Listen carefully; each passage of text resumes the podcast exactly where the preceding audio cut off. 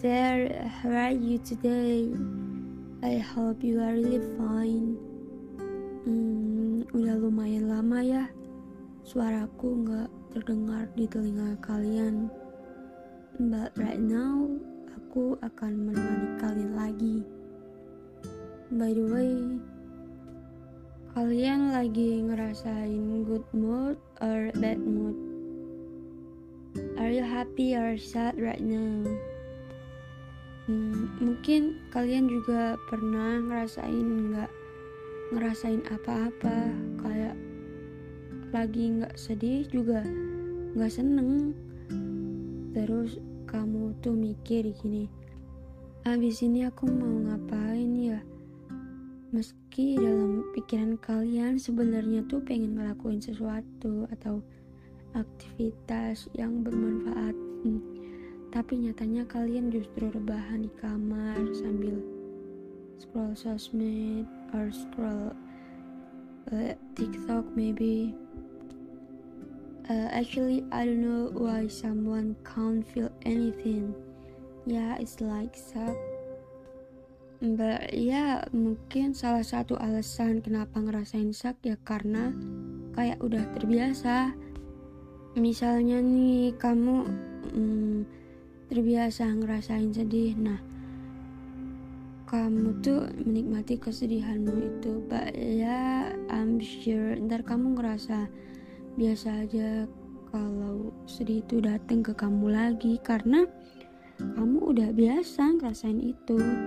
Tapi bukan berarti kamu gak bisa ngerasain sedih lagi ya. Ya it means kamu tuh udah kebal. Kayak yang sebenarnya kamu sedih tapi karena kamu udah terbiasa jadi nggak ngerasain kesedihan itu gitu loh. Uh, actually it's not the wisdom but it's my real story. Good listener is not listener anymore. Um, pendengar yang baik pun terkadang juga butuh didengarkan.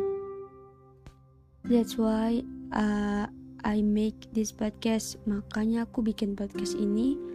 Sebenarnya aku cari aman aja. Cerita apa pun yang aku mau tanpa takut diabaikan.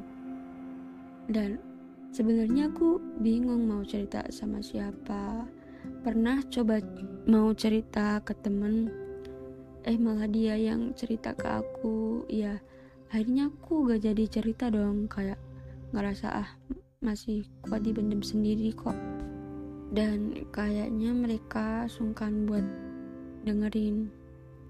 Well just just forget it okay? Oh gosh you know what? Uh, aku kayak abis ngelewatin badai.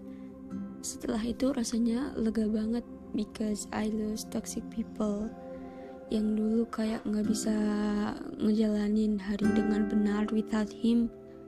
Sekarang aku benar-benar ngerasa beruntung, rasa bersyukur karena kehilangan toxic people.